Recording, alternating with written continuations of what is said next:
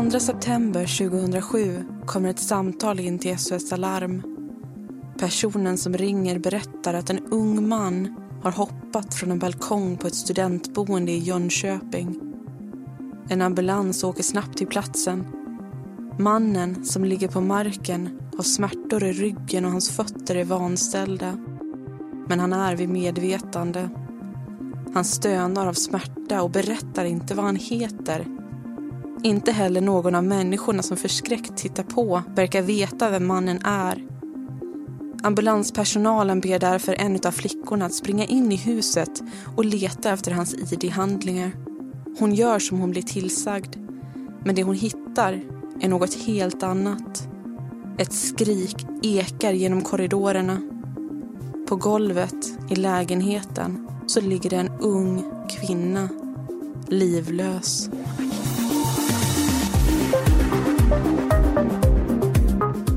Du lyssnar på Mordpodden. I säsong 1 tar vi upp mord som har skett i Småland. I veckans avsnitt ska du föra berättelsen om studentmordet i Jönköping.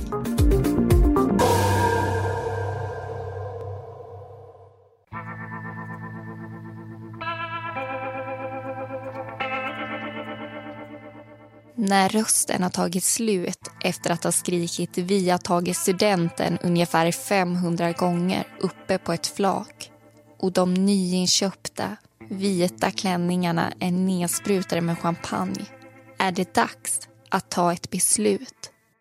Ett beslut om vad som ska hända sen i ett nytt skede av livet.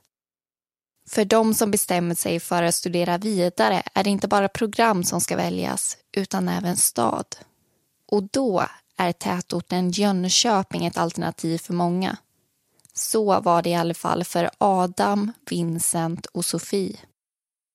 Adam och Sofie är syskon och med en liten åldersskillnad på bara två år har de en stark relation. Hela livet har syskonen hållit ihop, både som storebror och lilla syster, men även som vänner. Vincent är Adams närmaste vän.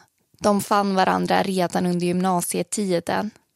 Det var deras gemensamma intresse för dataspel och deras ointresse för fest och alkohol som förde dem samman. Och de blev snabbt bästa vänner. År 2006 bestämmer sig killarna för att flytta till Jönköping och studera vidare. Båda två går på Jönköpings tekniska högskola, men de läser olika program. Trots att de inte går i samma klass ses de två vännerna nästan dagligen för att ägna sig åt sitt gemensamma intresse för IT och elektronik. Även Sofie flyttar till Jönköping samma år för att studera på Hälsohögskolan. Och med lite tur så lyckas de alla tre få boende i samma studentlägenhetshus. Vincent bor i lägenheten längst bort i korridoren på andra våningen.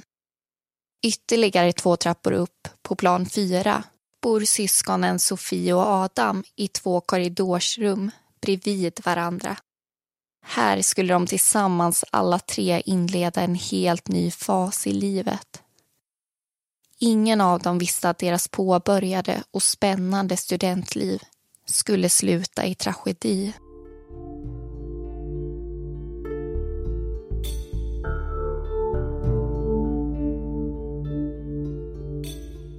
Syskonen Adam och Sofie ses så ofta de bara kan. Eftersom de bara behöver ta ett par steg för att komma hem till varandra brukar de passa på att laga middag ihop. Även Vincent brukar traska upp de två trapporna och sitta med vid matbordet. Vincent och Sofie har blivit goda vänner genom Adam och brukar ibland ses även på egen hand. Men oftast umgås de alla tre. Vincent har aldrig sagt något om att han gillar Sofie mer än som en vän. Men Adam misstänker att det finns mer känslor bakom den unga killens fasad än vad han är villig att erkänna. När de tre vännerna tittar på film tillsammans vill han alltid ha platsen bredvid Sofie i soffan. Och vid ett tillfälle la han sin hand på Sofies lår. Men hon lyfte då diskret bort sitt ben så att hans hand gled undan. Lika tydligt som det är att Vincent har mer än bara vänskapskänslor för Sofie är det tydligt att hon inte har det för honom. Även om hon inte säger det rakt ut. De är kompisar och Sofie vill inte att det ska bli någonting mer mellan dem. Under sommaren passar Sofie ofta på att gå ut på balkongen utanför sitt studentrum och njuta av de ljumma sommarkvällarna. Vid flera tillfällen kommer Vincent upp för att göra henne sällskap. Sofie har aldrig mage att be honom gå därifrån även om hon många gånger helst av allt vill vara ensam. Trots att de alla förstod att Vincent hade starka känslor för Sofie var det ingen som kunde ana hur starka de faktiskt var. Och inte heller vad det skulle få honom att göra när han till slut förstod att Sofie inte kände likadant.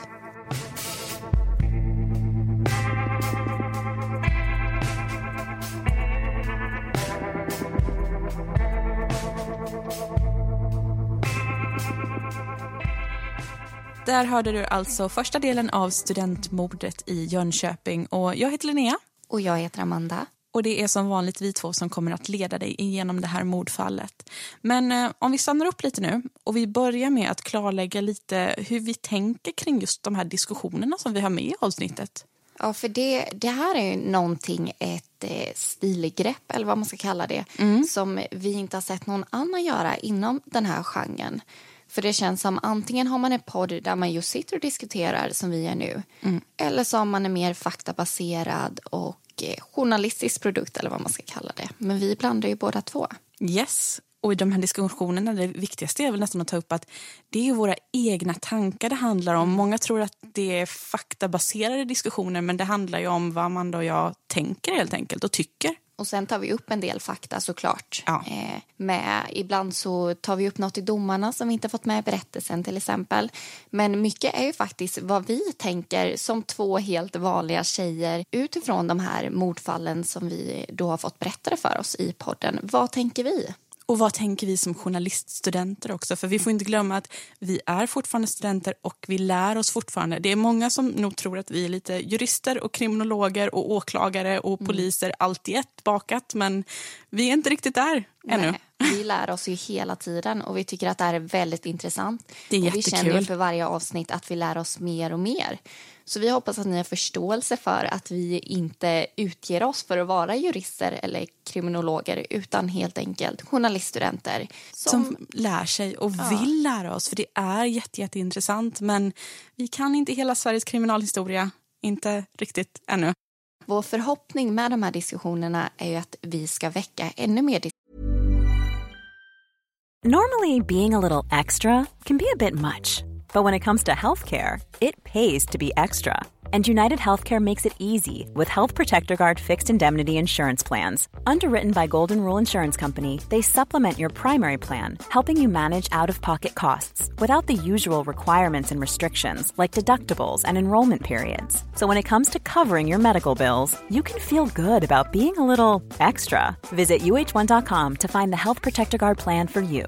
Ryan Reynolds here from Mint Mobile. With the price of just about everything going up during inflation, we thought we'd bring our prices down. So to help us, we brought in a reverse auctioneer, which is apparently a thing.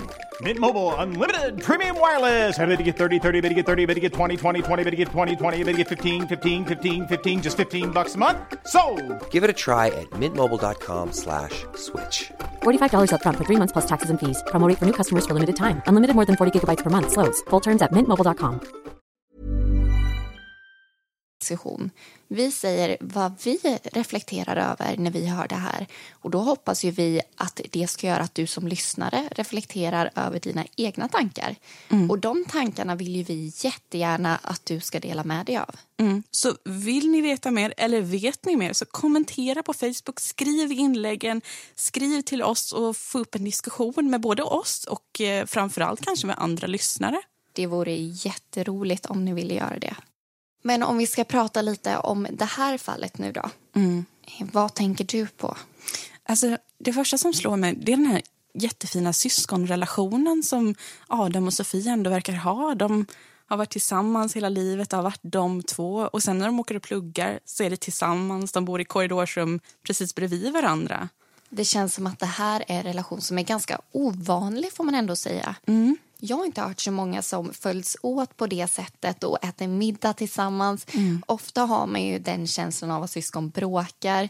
Men det här verkar vara en så himla fin relation. Ja, de håller verkligen ihop. Och Det här är ju ganska nytt för dem. De är liksom på en främmande ort kan man säga. Och det är så fint att de har de har det som många saknar, de har familjen med sig. Och gemensamma vänner, det är också någonting som känns ganska ovanligt. Att mm. Det vet man ju från när man själv var liten att man, eh, nu är inte de här små, men när man var det så ville man ju inte att ens lillebrorsa skulle vara med. Det var ju det värsta. Och jag har ju men, tvärtom, för jag har ju en storebrorsa. Jag fick ju aldrig vara med. Så du ville vara med? Ja, jag ville vara med. I det här fallet så känns det som att de har ju växt upp såklart och nu ser de varandra även som vänner och det är någonting jag tycker är väldigt fint. Mm. Men om vi nu återgår till berättelsen. Adam och Sofie är ju som sagt syskon och de har en gemensam vän, nämligen Vincent. De bor i samma studentboende och allt verkar vara frid och fröjd. Men vi har ju också förstått att någonting kommer att hända.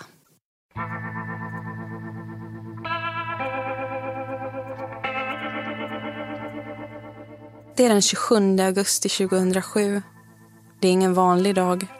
Sofie fyller nämligen 20 år och självklart ska det firas. Hennes familj har redan firat henne på hemmaplan vid ett tidigare tillfälle. Men nu vill även Adam och Vincent se till att göra den stora dagen speciell, även här i Jönköping. Vincent kommer på idén att de ska beställa en födelsedagstårta åt Sofie. Sagt och gjort så blir det tårtkalas. Det är en lycklig dag. Sofie kan nu räknas som vuxen men samtidigt har hon hela livet framför sig. Det är i alla fall vad alla tror.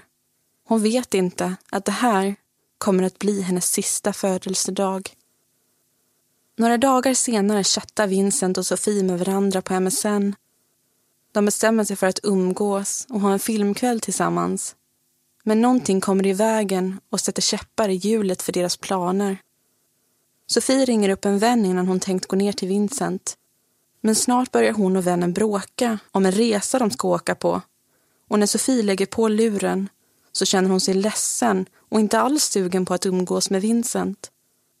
Hon är inte van att bråka. Hon har alltid varit en omtyckt tjej och aldrig haft några direkta ovänner. För enkelhetens skull så skriver hon till Vincent via MSN att hon mår dåligt. Och hon frågar om de inte kan ses dagen därpå istället. Vincent svarar att självklart så kan de göra det. Lördagen övergår till söndag och det är nu den 2 september 2007. Filmkvällen hos Vincent blir nu av men den skulle visa sig vara allt annat än trevlig. Istället blir det ett datum som ingen på studentboendet någonsin kommer att glömma.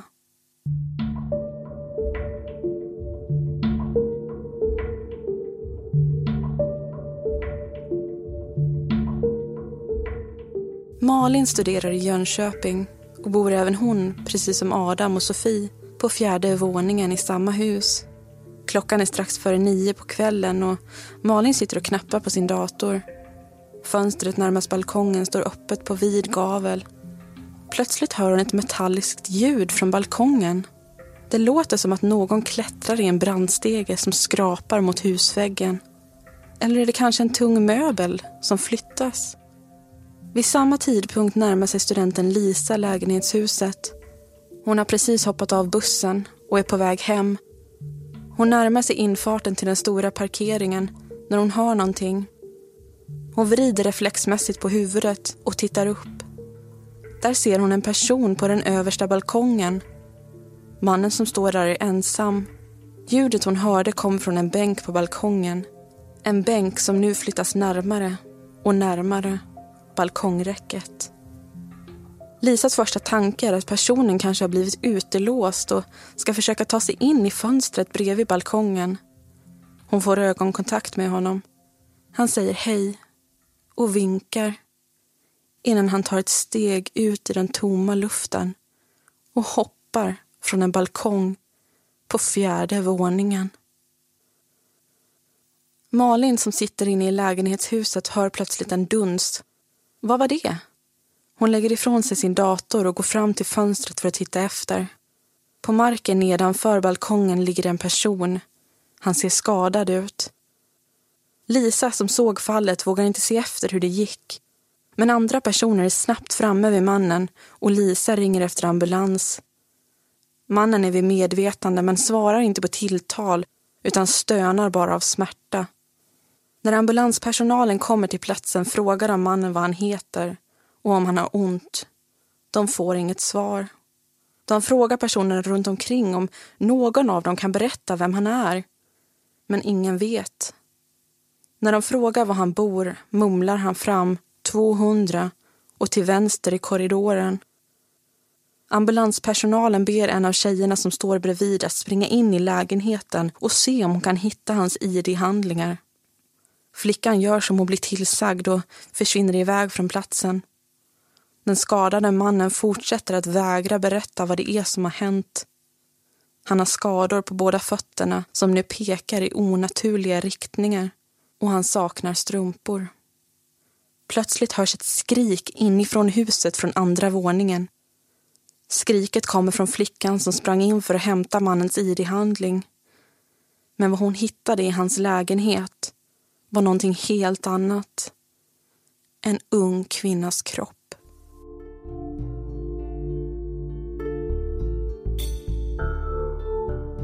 Den unga mannen visar sig snart vara Vincent. Han körs med ambulans till akutmottagningen och där konstateras det att han har skador i ryggen och i hälarna. Men han kommer att klara sig. Under natten får Vincent besök av en polis som försöker prata med honom.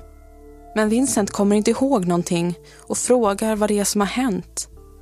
Polisen förklarar att han har hoppat från en balkong. Men Vincent förstår inte varför han skulle ha gjort det. Efter en stund frågar han hur det är med Sofie. Polisen frågar vem det är. Han får till svar att det är en tjej som Vincent känner och som han tycker om att vara med. Men efter det vill den unge mannen inte prata mer om Sofie och han ställer heller inga fler frågor om sig själv. Polisen noterar att Vincent har rivmärken i ansiktet och ett nagelavtryck på ovansidan av den vänstra handen. Några timmar tidigare satt Adam hemma hos sig och pluggade och spelade dataspel. Han och Sofie hade precis som vanligt ätit middag tillsammans och hon berättade att hon skulle till Vincent lite senare och titta på film. Adam tänkte inte så mycket mer på det men runt halv tolv så knackade på hans dörr och han får pausa sitt spelande. Utanför dörren står en polis.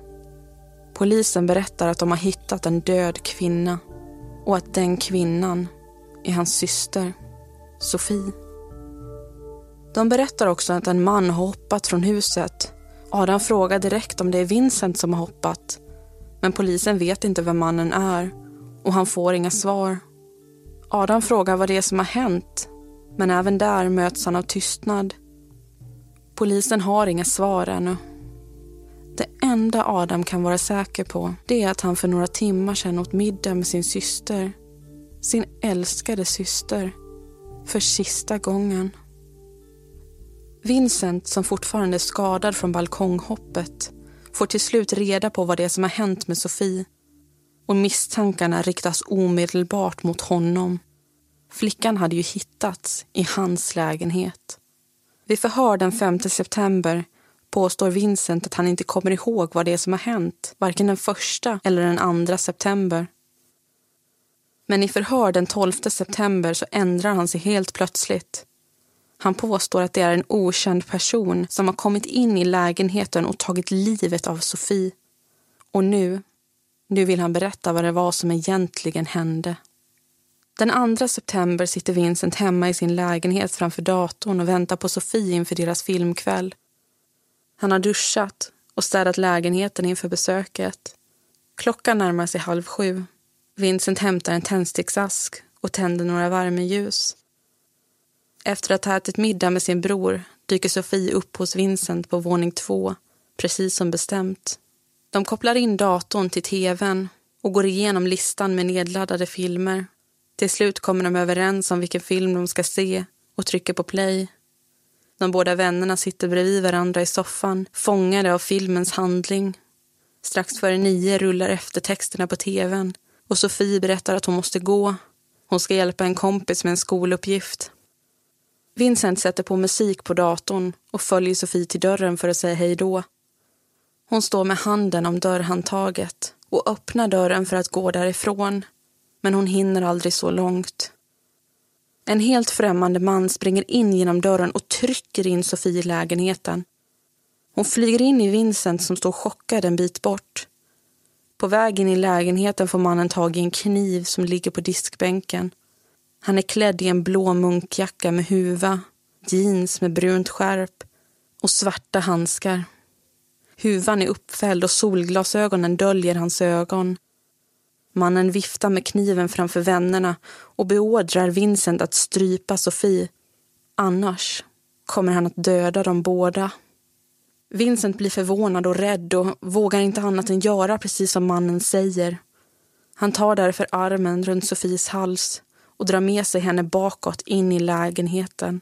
Hon försöker komma loss och sparka med benen och river honom i ansiktet och på händerna. De ramlar omkull på golvet. Sofie säger att hon håller på att dö och Vincent släpper taget runt hennes hals.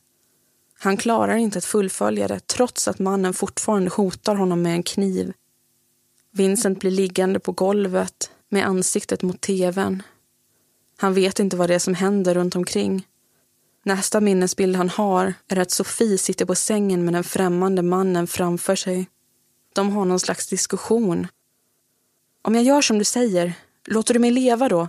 Hör han Sofie säga, vilket mannen besvarar jakande. Men det visar sig vara en lögn. För innan Vincent ens hinner blinka så tar mannen fram kniven och hugger Sofie. Han försvinner sedan snabbt ut i lägenheten utan ett ord. Vincent kravlar sig upp och springer fram mot Sofie i sängen. Han försöker stoppa blodflödet genom att hålla en kudde mot hennes hals. Men det är för sent och Sofies kropp glider ner mot golvet. Nästa minnesbild Vincent har är av ambulans och polis. Efter att Vincent berättade vad det är som har hänt den där söndagskvällen förhörs 112 personer. Det märkliga är att ingen av dem har bevittnat några omständigheter som stödjer den unga mannens berättelse. Och det är inte en enda person som har sett skymten av någon person som stämmer in på hans beskrivning av den okända gärningsmannen.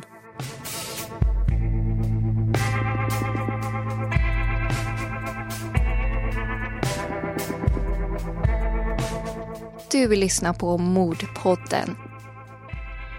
I säsong 1 tar vi upp mord som har skett i Småland.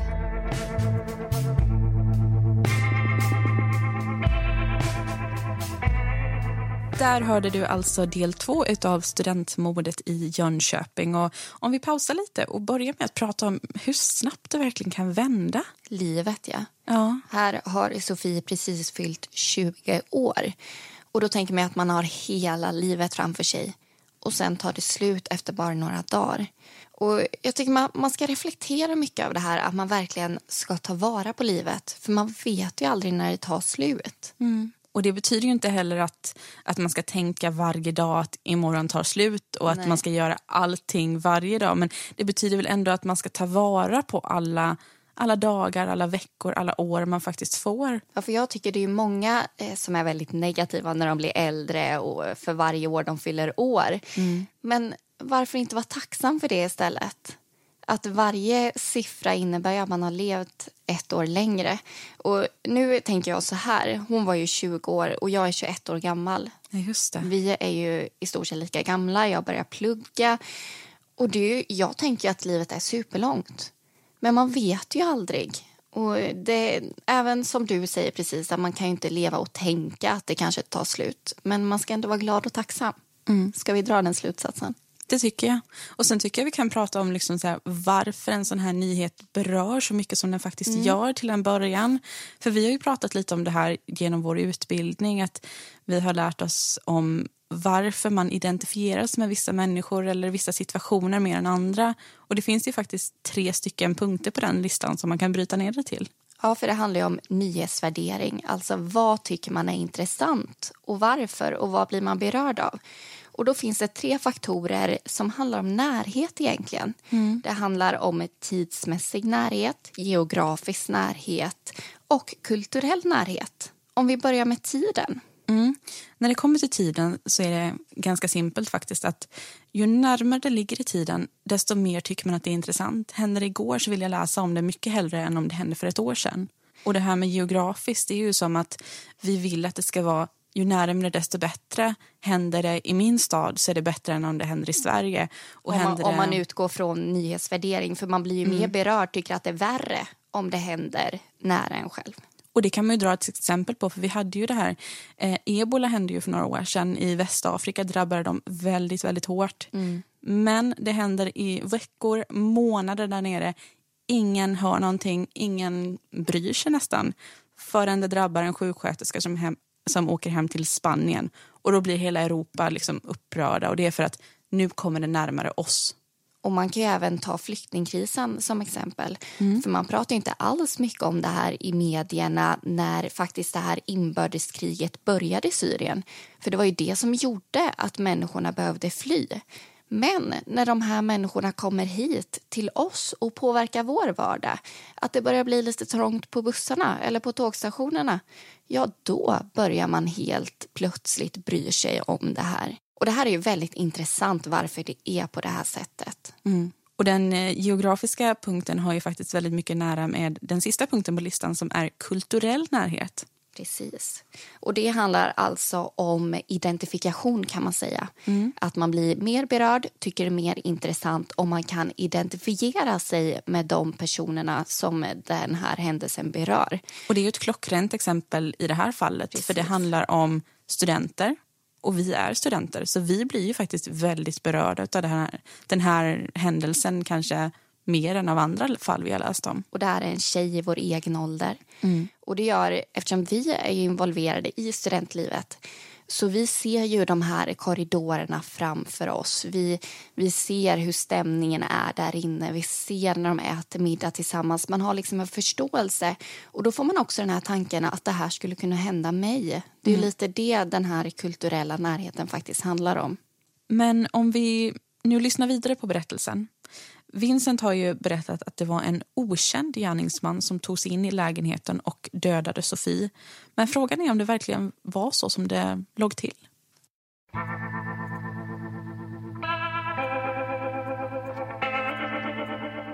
Det står snart klart att Vincents berättelse om vad som hade hänt den 2 september troligtvis inte var sanningen.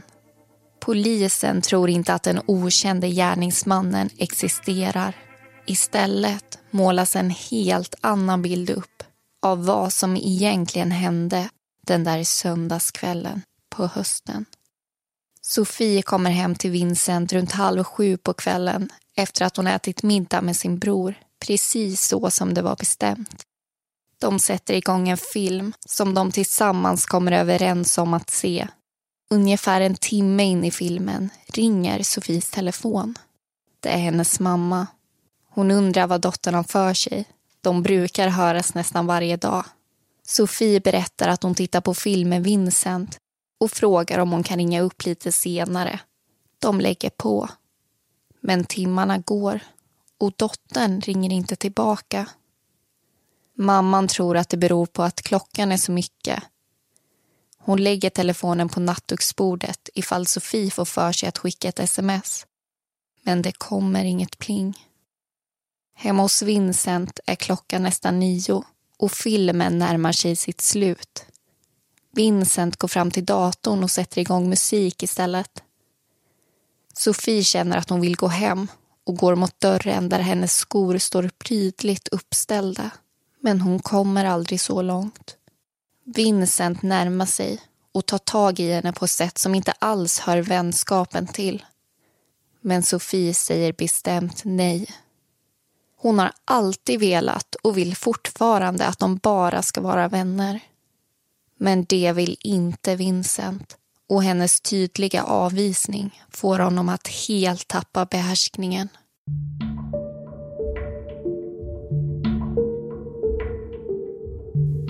Han tar ett strypgrepp runt hennes hals. Sofie försöker desperat försvara sig genom att driva honom där hon kommer åt. Datorn, som står på sängen och spelar musik, åker i tumultet ner på golvet. Och tvn, som de bara för en stund sen satt framför, välts nu omkull. Sofie kämpar för sitt liv. Men när den unge mannen får tag i en kniv finns det ingenting hon kan göra. Allting går väldigt snabbt och den unga kvinnan blir liggandes på golvet med ansiktet mot sängen. Vincent, som förstår vad han har gjort, får panik och lämnar lägenheten utan varken strumpor eller skor. Han får dock tag i sin ytterjacka och slänger den på sig för att dölja tröjan som är full med blod. Han springer genom korridoren så fort han bara kan och upp till den fjärde våningen och ut på balkongen. Där står en parkbänk. Vincent tar tag i den och släpar fram den till balkongräcket. Han kliver upp. Nere på marken står en tjej och tittar upp mot honom. De får ögonkontakt. Men Vincent har redan bestämt sig. Ingenting kan nu få honom att ändra sitt beslut.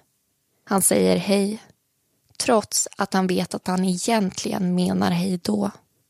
Han tar upp handen och vinkar till flickan nedanför. Sen tar han det avgörande klivet. Han hoppar med fötterna före ut från balkongen till vad han tror är hans död.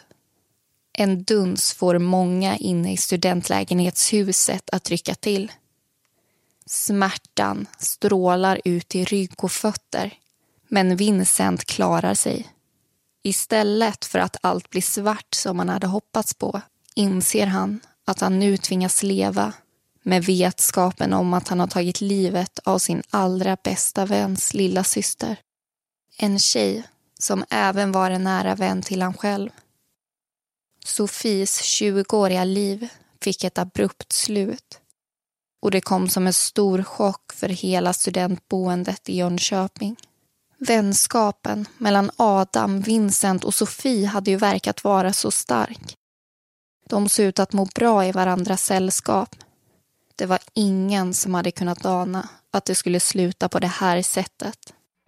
Kärlek som övergick till hat. Liv som övergick till död. Och vacker vänskap som kraschade totalt. Hur kunde det gå så fel?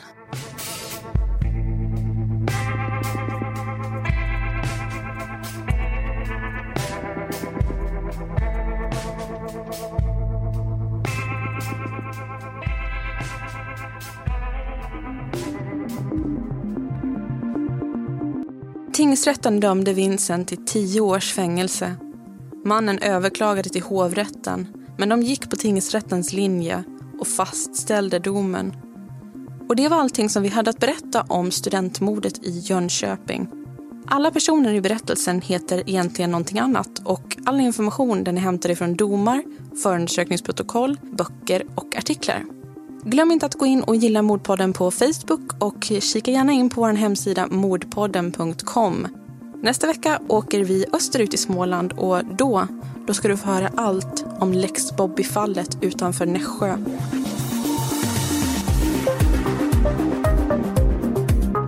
Du har lyssnat på Mordpodden. Vi som har gjort den heter Amanda Karlsson och Linnea Bolin.